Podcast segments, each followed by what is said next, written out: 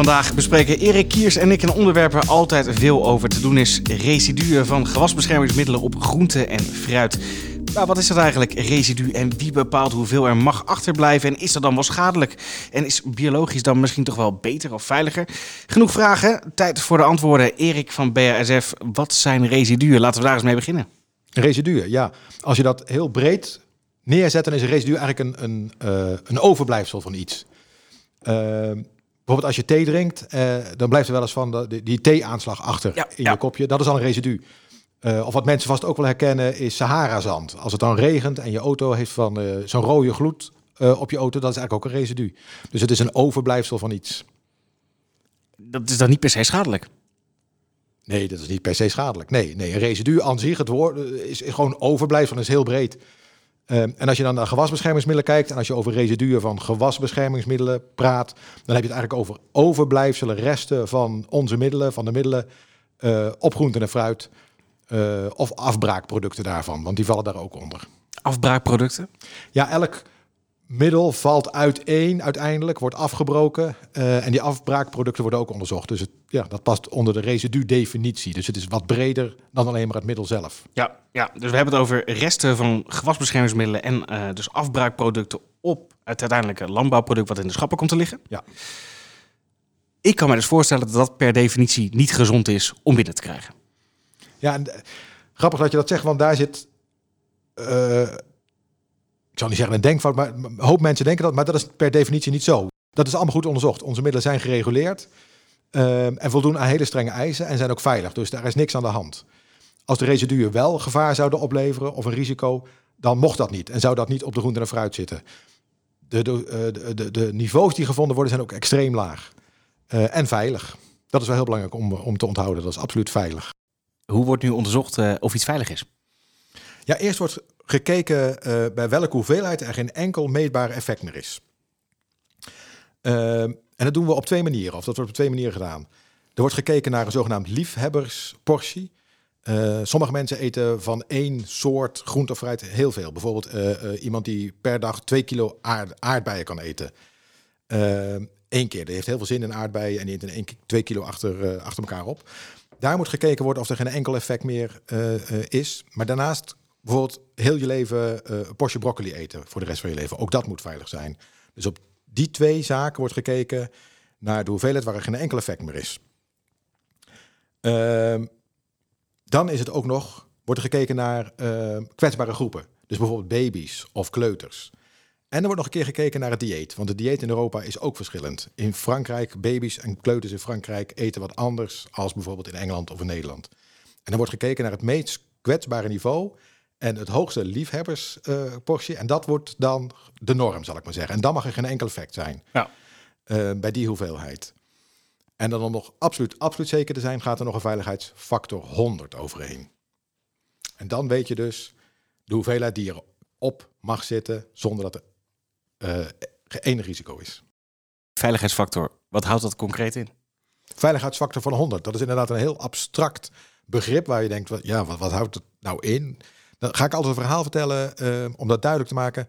Stel je rijdt met je auto 100 km per uur en je moet een noodstop maken. Want er, steekt een kind over met uh, voetbal bijvoorbeeld en je moet een noodstop maken. Duurt dat 50 meter voordat je stilstaat. En dat is eigenlijk wat wij net wat ik vertelde, wat we onderzocht hebben, wanneer er geen enkel effect meer is. Dat is jouw 50 meter. Um, daar gaat dan een veiligheidsfactor 100 overheen. Dus als je 50 meter maar 100, heb je 5000 meter. Dat is 5 kilometer. Dus dan moet je 5 kilometer voordat er een kind oversteekt, moet je een noodstop maken. Dus je rijdt ergens 100 km per uur. 5 kilometer verder steekt een kind over. Dan moet je nu die noodstop maken, zodat je zeker weet dat je dat kind niet raakt. Nou, dat is wel veilig, denk ik. Jullie hebben ook een verantwoordelijkheid richting de boer. Uh, hij of zij moet het product uh, gaan gebruiken. Dat moet volgens bepaalde wet en regelgeving, limieten. Hoe zorg je dan voor dat de boer dat ook doet? Ja, dat, klopt. We hebben, we hebben, we, als we een middel ontwikkelen, maken we een etiket. En dat etiket zegt eigenlijk het voorschrift hoe een boer het moet gebruiken. Uh, daar moet hij zich aan houden. En dan vraag ik terecht, hoe zorgen wij ervoor dat hij dat ook doet? Dat gaat op verschillende niveaus. We laten proeven zien. Er is heel veel voorlichting. Onze handel helpt daarbij. Uh, en wat er ook bij helpt, is, uh, want dan ga je toch weer kijken naar die residuen en die residuen die erop mo moeten mogen zitten. Ehm, ehm, en voor dit gedeelte geldt er een andere wetgeving. En dan, dan praten we over een MRL, een maximaal residu niveau, in het Engels maximum residue level, MRL. Ehm, wat erop mag zitten. Dus dat is een handelsnorm. En die geeft aan hoeveel ehm, resten er wettelijk op de groente en fruit mogen voortkomen. Als er dus meer op zit, mag het niet in de handel gebracht worden. Ja. En dat staat helemaal los van die gezondheidsnorm. Want die maximale residuniveaus zijn vele malen lager dan het gezondheidsnorm. En die MRL's hebben te maken met het etiket. Dus als jij een etiket ehm, maakt of een voorschrift maakt, dan gaan we kijken van eh, op het moment A en B en C, of soms wordt maar ingespoten, wordt, wordt er toegepast. Wat zit er op het eind, dus bij de oogst, mogelijk nog aan residuen op? Ja, dus dan ben je ook tijdsgebonden. Wanneer mag ik het middel inzetten? Ja. En, en veel meer factoren bij rekening mee moet houden. Ja, dat klopt. En eh, dat moeten we in een, in een groot aantal proeven moeten we dat aantonen, dat we steeds volgens het etiket spuiten. En dan wordt er gekeken, wordt er nog residu gevonden? Want in 55% van de gevallen wordt helemaal niks teruggevonden. Maar wordt er nog een residu teruggevonden? Dan wordt aan de hand van wat er teruggevonden wordt een gemiddelde genomen. En dat is dan je MRL, je handelsnorm zal ik maar zeggen. En als er niet volgens het etiket gespoten wordt, stel dat er eh, te laat gespoten wordt of met een te hoge dosering gespoten wordt, dan vind jij meer residuen mogelijk op jouw gewas dan die MRL aangeeft. En dan mag het niet in de handel gebracht worden. En nogmaals, dat staat helemaal los van een gezondheidsnorm. Dus een MRL is een handelsnorm en geen gezondheidsnorm. Maar het- houdt wel in, als je dus boven die, dat die norm zit, die MRL, mag je het niet verhandelen, mag het niet verkocht worden. Ja, maar dat is dan wel een relatie met wat ik dan vaak tegenkom. Voor mijn gevoel in de media. Als ik het heb over bijvoorbeeld terugroepacties van eh groente, fruit, andere producten. Eh, want als ik dat lees, dan gaat het eigenlijk nooit over een teveel aan residu van bijvoorbeeld gewasbeschermingsmiddelen. Kan ik daarmee concurreren dat er nog veel meer andere risico's zijn. En die, die misschien wel een hoger risico vormen ook voor de gezondheid? Nou, als je terugkijkt inderdaad, eh, er is zo'n eh, eh, alert system van de, de NVWA, heb je ook in Europa. En daar wordt aangegeven, er zijn terugroepacties, precies wat je zegt. Als ik dan kijk wat daar vooral teruggeroepen wordt, eh, dat zijn allergenen. Dus dan is de etikettering van het eindproduct niet goed genoeg. Dan zit er dus een product in waar mensen allergisch voor zijn, maar staat er niet op het etiket. Ehm, dus dat is een risico. Ehm, ehm, maar het grootste risico vormen microbiële besmettingen. Dus dat zijn vooral besmettingen met schimmels of met bacteriën die gevaarlijk kunnen zijn. En als je naar onze middelen kijkt, die worden, worden afgebroken. En wat ik net al zei, in 55% van de gevallen vind je niks terug. En bij die microbiële besmettingen, als de eh, omstandigheden gunstig zijn, die groeien juist. Dus die bacterie of die schimmel kan dan juist groeien op de groente en fruit en vormt daardoor een groter risico. Ehm, en daar zie je dan ook eh, ehm, ja, de, de, de, de grootste terugroepacties en het grootste risico zit daar. Maar hoe komt het dan toch dat iedereen zo gefocust is op die gewasbeschermingsmiddelen? Is dat dan, ja, mag ik dan zeggen, bewuste framing? Nou, ik weet niet of er bewuste framing achter zit. Ik denk dat daar een stukje eh, gebrek aan kennis en onwetendheid zit. Ehm, en ik kan me ook voorstellen dat mensen zeggen, ja, dat hoort er niet op te zitten. Dus dat, dat is verkeerd. Eh, maar als je dan weet hoeveel eh, kennis en wetenschap erachter zit, maar ook hoeveel wetgeving erachter zit. En zoals ik net uitlegde, die veiligheidsfactor. ehm, ehm, ja, als je dat eenmaal in de gaten hebt, dan, dan, snap je dat het risico ontzettend klein is. En dat eigenlijk gewasbeschermingsmiddelen geen risico vormen op de groente en fruit. Wat ik nog even met je wil bespreken, dat hebben we nog niet gedaan, is het verschil maken tussen de gangbare teelt en de biologische teelt. Want eh, eh, biologisch groente en fruit wordt vaak gezien of gepredikt als gezonder en, en beter voor mens, beter voor milieu. Ehm, als we het hebben over de relatie met gewasbeschermingsmiddelen, is, is, kun je zeggen dat, dat biologisch groente en fruit gewoon gezonder is en dat er minder risico's aan kleven?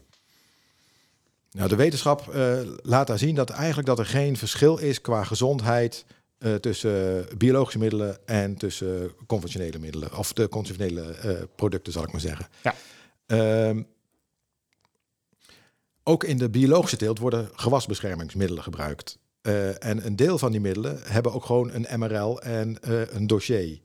Ehm, als je het praat over plantextracten, die in de biologische teelt gebruikt kunnen worden. We hebben ook zo'n product, dat is op basis van de neemboom, Azadirachtina. En dat is een boom uit India, Ja, ja. waar ze zagen dat er weinig insecten waren. Dus ze dachten, nou, die inhoudstof, die kunnen wij wel gebruiken.